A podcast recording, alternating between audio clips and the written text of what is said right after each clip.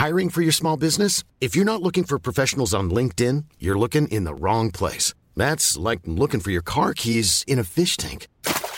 LinkedIn helps you hire professionals you can't find anywhere else, even those who aren't actively searching for a new job but might be open to the perfect role. In a given month, over 70% of LinkedIn users don't even visit other leading job sites. So start looking in the right place. With LinkedIn, you can hire professionals like a professional. Post your free job on linkedin.com slash people today.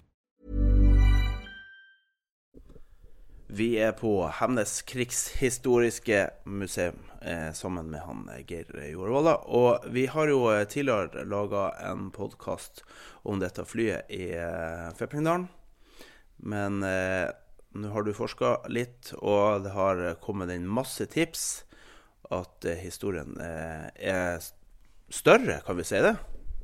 Ja, altså det er klart at det, det, den blir jo mer omfattende når man får litt sånn såkalt kjøtt på beina. når man får lest Men det som er problemet, er at det er så mange rapporter, og, og de spriker i alle retninger.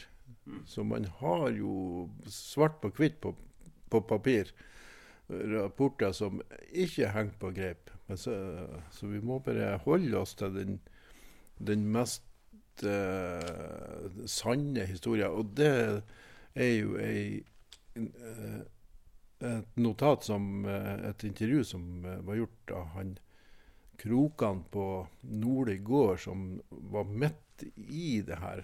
midt oppi og det, og det var det Oladalens Venners eh, det museet, eh, hjemmefrontsmuseet i Mosjøen, som kom med?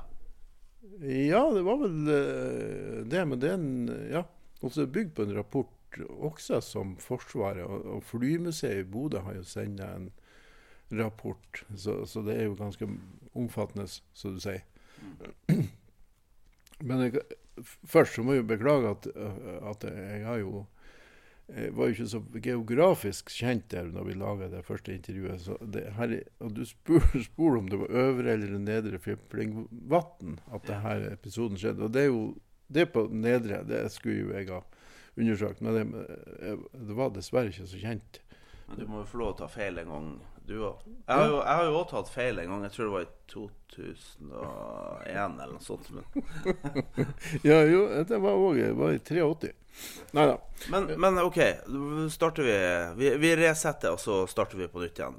Det er et fly som nødlander enten 17., 18. eller 19. april 1940. Hvor kom det flyet fra, og hvem var inni? Ja, Altså Det er jo stadig det der eh, som vi snakka om i forrige intervju, holdt på å si. Eh, erste Sturzkampflugzeug 1, altså det eh, Eller Geschwader 1. Det er altså første stupbomberskvadron 1. Og de var bl.a. i Hatfilarm, som, som jeg trodde da men det viser seg at, at det her var, det var ikke kommet, det her er jo ganske tidlig i krigen, da, som begynte 9.4. Mm. Så de starta ifra Værnes og Jonsvatnet, for at Værnes var, var under utbygging.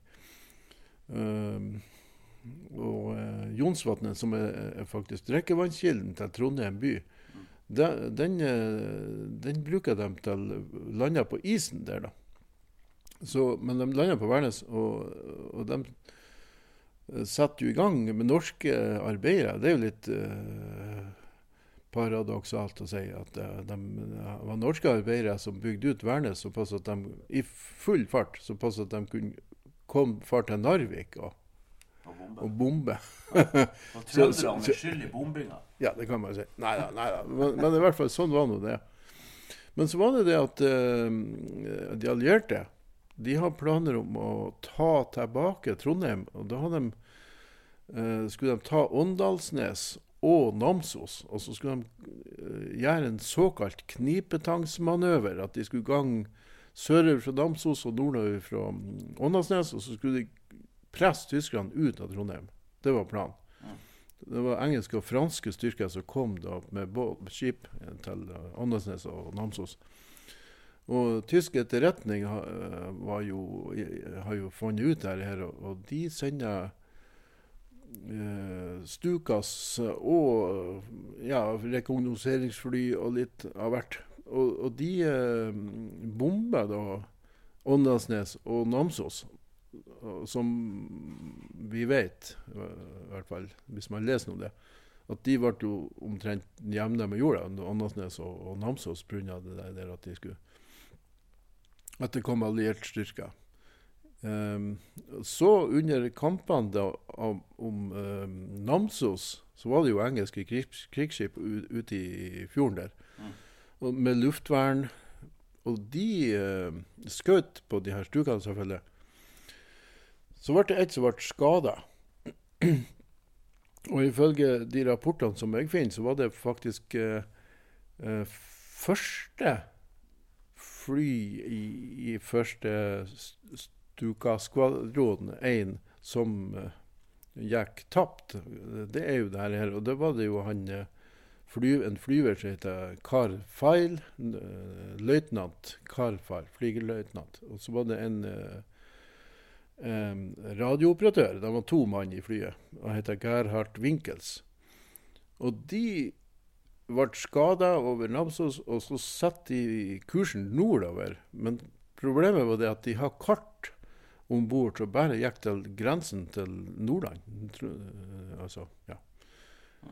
Nord-Trøndelag, Nordland. Og der stoppa kartet. Og, og, de for jo videre, og da var de jo helt uten peiling på hvor de havner hen. Mulig at de lete, skulle lete etter Hattfjelldal, for det hadde de sikkert hørt om. Men så landa de på et vann der. Det var jo mye snø ennå, og isen lå og sånn. Og her så er det sånn at pga. at uh, motoren sitter framme, og det er nokså typisk, så vipper flyet fram. Jeg har hørt to versjoner. Den ene at det, det ble stående på propellen, altså sto, sto på høv. Uh, og det, så er det andre rapport at det Eller så sier at det uh, bikka helt rundt og ble liggende opp ned. Mm. Og det var på Nedre Fiplingvatn, i nærheten av Hey, folks, I'm Mark Marin from the WTF Podcast, and this episode is brought to you by Kleenex Ultra Soft Tissues your ally to help tackle your allergy symptoms this season. I love the change of seasons, but nobody loves pollen and all those other things floating in the air that make you sneeze during this nice weather. Kleenex Ultra Soft tissues are hypoallergenic and allergist approved. So fight back against watery eyes and runny noses without worrying about irritating your skin. For this allergy season, grab Kleenex and face allergies head on.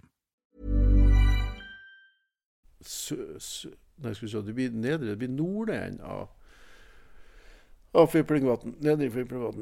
Men, men, hvis at det skulle ha landa på ryggen, så måtte du jo nesten ha snurra i lufta? Tror du ikke det? Nei, ikke land, altså det landa på, på hjulene. Ja, men hvis det ble liggende på ja, det, ryggen, det høres ut som det ligger opp ned. Ja, ja, ja. ja, ja. Altså det, for at jeg har sett mange eh, bilder og, og sånn at, at, flyene står på høv. Altså det står på propellen. For at det blir så ja motoren Og sånn at den for helt rundt? Ja, det ene, rapporten. Ja, ja, ja, så det er jo også sånn man Spørs hvor detaljert man skal være. Ja. Og så var det en Den ble jo liggende eller stående på høv. Atne gård Nordli, som ligger da Jeg finner ut det blir nordlig med nedre Fiplingvatn. Mm. Og uh, så fant de ut at de skulle gå og eh, spørre hvor de var han der på gården. Og da var det jo eh, eh Hans Krokan og de eh, som bodde og um, De fikk ikke forståelse. altså, altså, De kunne jo ikke verken engelsk eller tysk eller noe av de på gården. Og, og, tyskerne kunne ikke annet enn uh, for så vidt engelsk og tysk. Mm. Så, det, så de opp oppga det der at de satt i ei stund i, i stua, og så, og så fant de ut at de skulle prøve å, gå til nærmeste vei og, og eh, se om de kunne møte det her østerrikerne som var på tur nordover. Mm. Men de var borte i ca. fem timer, og da kom de tilbake. Dette er jo helt ferske opplysninger som er kommet ja. nå. Og, og, var inne i, i huset. Men, sam, men før det så har det en nabo som bodde på andre sida av Feplingvatn der, som heter Peder Stenvik, som opprinnelig fra Finnmark. Han eh, kom innom gården Nordli der og spurte etter om han kunne få låne eh, jaktgevær, eller Krag Jørgensen jaktrifle. Og han eh, bonden sjøl, han var ute på arbeid. Så ikke- Han var vel og bygde flyplass i Værnes, kanskje? ja, kanskje det. Det, er, det tviler jeg på. Men han han tar sikkert borti skog, skogsarbeid. Og så var det hun kona som, som uh, var hjemme, og så spurte han eh, om han kunne få låne. eh, og, og hun lette jo opp børsa med en gang. De var jo kjente på naboer. Mm. Og han uh, tok med seg noe f- blyspist ammunisjon som etter jeg forstår, bru, han bruker til å skyte rev med. Ja. Men det er jo, det er jo Han var antagelig med i IR-14, eh, infanteriregiment 14, for at da, han- da, fikk de jo utlevert eh, Krag Jørgensen. Og, og blyspiss, det er jo sånn som er i Som en militær ammunisjon. ja. Han har kanskje vært på nøytralitetsvakt? Ja, det går godt an, det. For Han det, her er finnmarkingen, altså. Ja, men det var jo han eh, Krokan som hadde ja, på- og, og ammunisjon. Det kommer jo fram at han mest sannsynligvis kan Han kan jo skyte og vet hva han gjør. Så Ja kanskje han har vært på nøytralitet. Det går godt an, for at hei, eh, mye av IR-14 ble jo sendt til Finnmark for, for uh, nøytralitetsvakter. Så det akkurat det eh, må, må man lese, lese, forske og lese mer rapporter. Men uansett så, så la han seg borti Nå var jeg jo innom eh, på besøk til en sitt Åge Krokan, som er veldig altså Det blir barnebarnet til han som har eid børsa. Og han var en veldig hyggelig kar og bor der i, på gården Nordli. Og, han eh, snakka om at, at han kjente jo til han Stenvik her, som var en litt sånn eh, Hans oppfatning var at han var en litt sånn original og, og, og, og en rar type. Sa han han, da. Men han sprang borti, borti noe, noe kjerr eh, som ikke var så veldig langt unna gården, og la seg eh, eh, Ja, og sikta mot flyet. Og når de kom tilbake, de her tyskerne, ty, de, han Carl Feil og han Gerhard Winkels, som har vært ute på en femtimers tur uten å finne noe spesielt vei eller noe. Så, Vassa i sørpa og Ja, ja, ja, uff. Ja, det, de var visst bra, bra utkjørt. Og så Ja. skulle de til For de ned på flyet der og skulle hente ut noe av det her eh, personlige Altså, det var jo kartmappe da som bare gikk til Trøndelagsgrensen. Ja. Signalpistol, kanskje. Ja, litt forskjellig sånn der. Dagbok, de har nå noe dagbok. Og her eh, ga han seg til å skyte han eh, Peder Steinvik på dem. Og, eh, og da traff han eh, han Carl Feil. Eh, Så han fikk et skudd gjennom eh, Tvert gjennom kro kroppen. Ja, det var jo Det måtte jo ha truffet, for det var ikke det var ikke lunge heller. Jeg er litt usikker på hva han Jeg hva tror det hva var i magen han fikk. Magen, ja. ja. Ja. Ja, for han, eh, han, eh, ble jo, han ble jo tatt inn på gården og var visst noe sånn som jeg har lest om, et, et døgn der. Og da var det ikke noen som sov i huset, for han, han lå og stønna og ynka seg og hadde sånn voldsomme smerter. Og så Neste dag så fant de ut at her må, han må til sykehus, og sånt, så, og det var jo eh, lasarett i Mosjøen. Og der jobba eh, søskenbarnet til far min, ei som heter Karen Hermansen, som, eh, som var helt nyutdanna eh, sykesøster og var eh, for så vidt innkalt til nøytralitets... eh, I forbindelse med det, i mobiliseringa da, en nøytralitetsvakt, eh, i- på Drevjamoen. Og, og hun var der. Jeg, har, jeg kunne ha hatt et eget intervju bare med, med, med Hun opplevde veldig mye akkurat de dagene der i 1940. Ja. Hun har skrevet bok om det, så det kan vi ta senere. ja. Men i hvert fall så ble hun kommandert til Mosjøen, hun og ei anna sykehusøster og, og en lege, og, og for å opprette et lasarett, et midlertidig sykehus i Mosjøen. Det var jo ikke sykehus da, det var jo tyskerne som bygde det sykehuset som er nå, på Nyrud. Um, og da var det i, på en gård på Nyrud, så ble det laga et midlertidig sånn at de bare raska i hop ting og laga et Alt skjedde jo, skulle skje veldig fort. Og da fikk de jo inn en del uh, småskader og sånn, men den, sånn som hun skriver i boka, så var den, den mest alvorlige det var det at de kom, og da kom den han uh, Carl Feil i et skrin med har, harm. altså Det var lå i, i harm. sånn som hun skriver, så hadde de gått på ski fra Føplungdalen. Og, og den siste rapporten står det at det var bil og hest, hest og, og slede bil. Mm. Men uansett, når de tok inn på sykestua, så, så, så de at her var det jo ikke mye blod igjen i karen. Det var veldig blodete i, i, halmen og sånn. Og, og og da var det jo Da merka jo hun denne her motstanden mot uh, tyskere hos legene. Og det er jo ikke sånn unaturlig. Men ifølge internasjonal lov, altså det her Genévekonvensjonen, så skal en, en skada person den er ikke lenger fiende, den er en, en syk person. altså sånn. Mm. Så, så, så eh, de, de, begynte å, å, perke i det der kulehølet. Og du, det var jo revet ut baki pga. blyspissen og sånn. Ja. Så, så, så ene som begynte med en pinsett og liksom bare røske ut ting i. og det, uten, uten morfin eller bedøvelse eller noe, var det jo en som sa at det, der, det, det, blir, det blir jo til slutt et høl i hele karen altså, hvis han fortsetter sånn. Så det er tydelig at det var ikke eh, bra. Og, og, og, Karen, da hun og, For han, han eh, han sa 'jeg forgår'. altså Det er tydelig at her så han at han kom til å dø. Mm. Og um, han lå i to dager der og fantaserte og liksom sånt. Altså, de har jo kontakt med han. Og han sa at han har kone, kone og to unger hjemme. Ja. Uh, og uh, så døde han.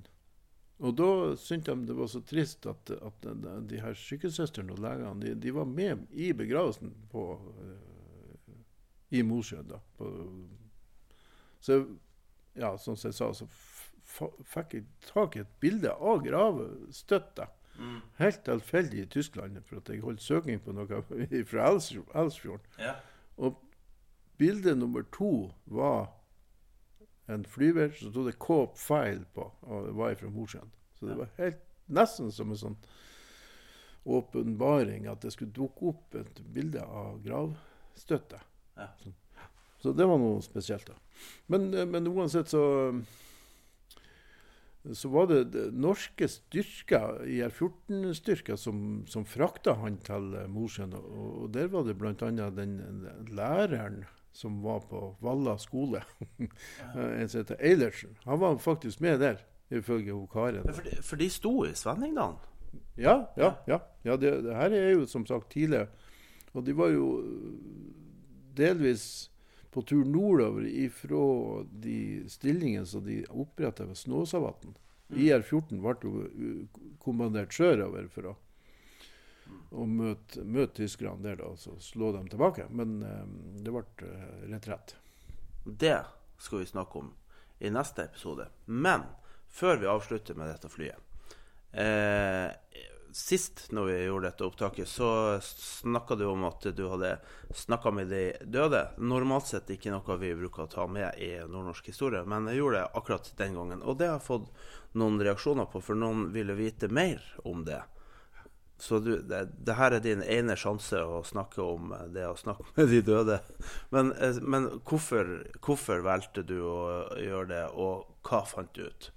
Nei, altså Jeg kjenner jo folk som, som har noe sånn der eh,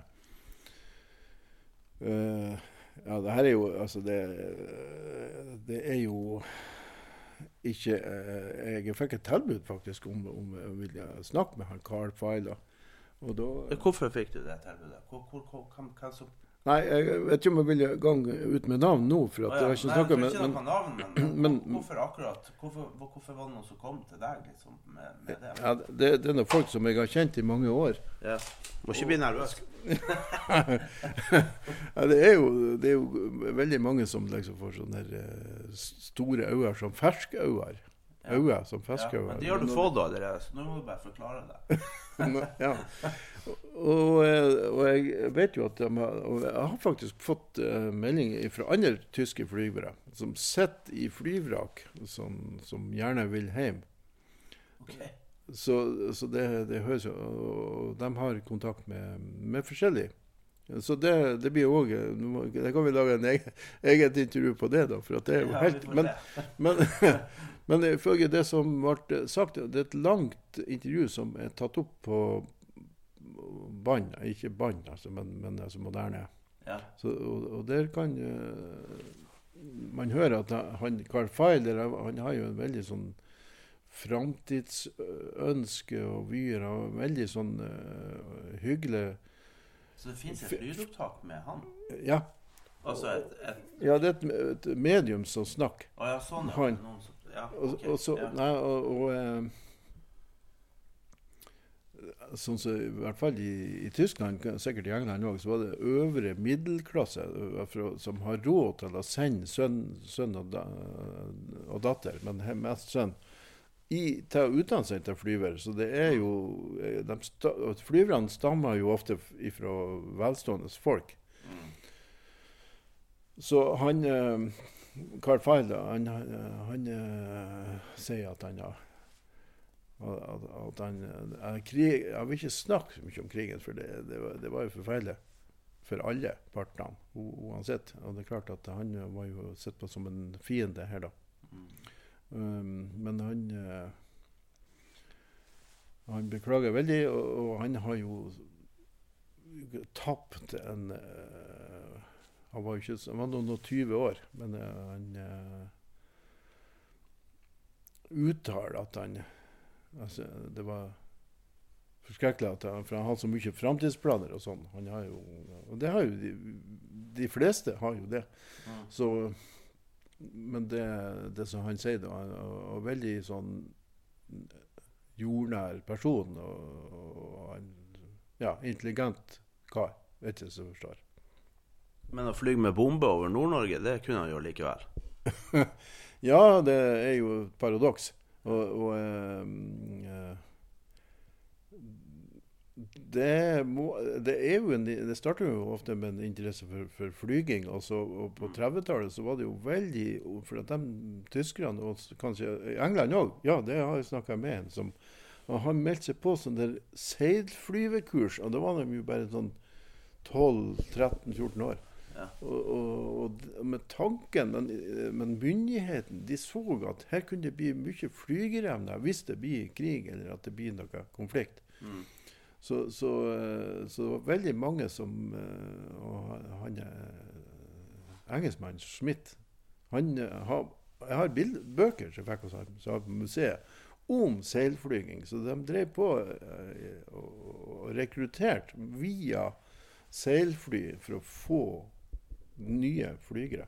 Så det er jo så, Og jeg vet jo at han der som slapp bomben i havet utenfor Bodø, det kjenner du sikkert til, en som Han har kjenninger i Bodø. Så han øh, var jo De var jo utkommandert og, og, og beordra til øh, alt. Og han han ville ikke bombe Bo- Bodø i en sånn Heinkel 111, stor bombefly.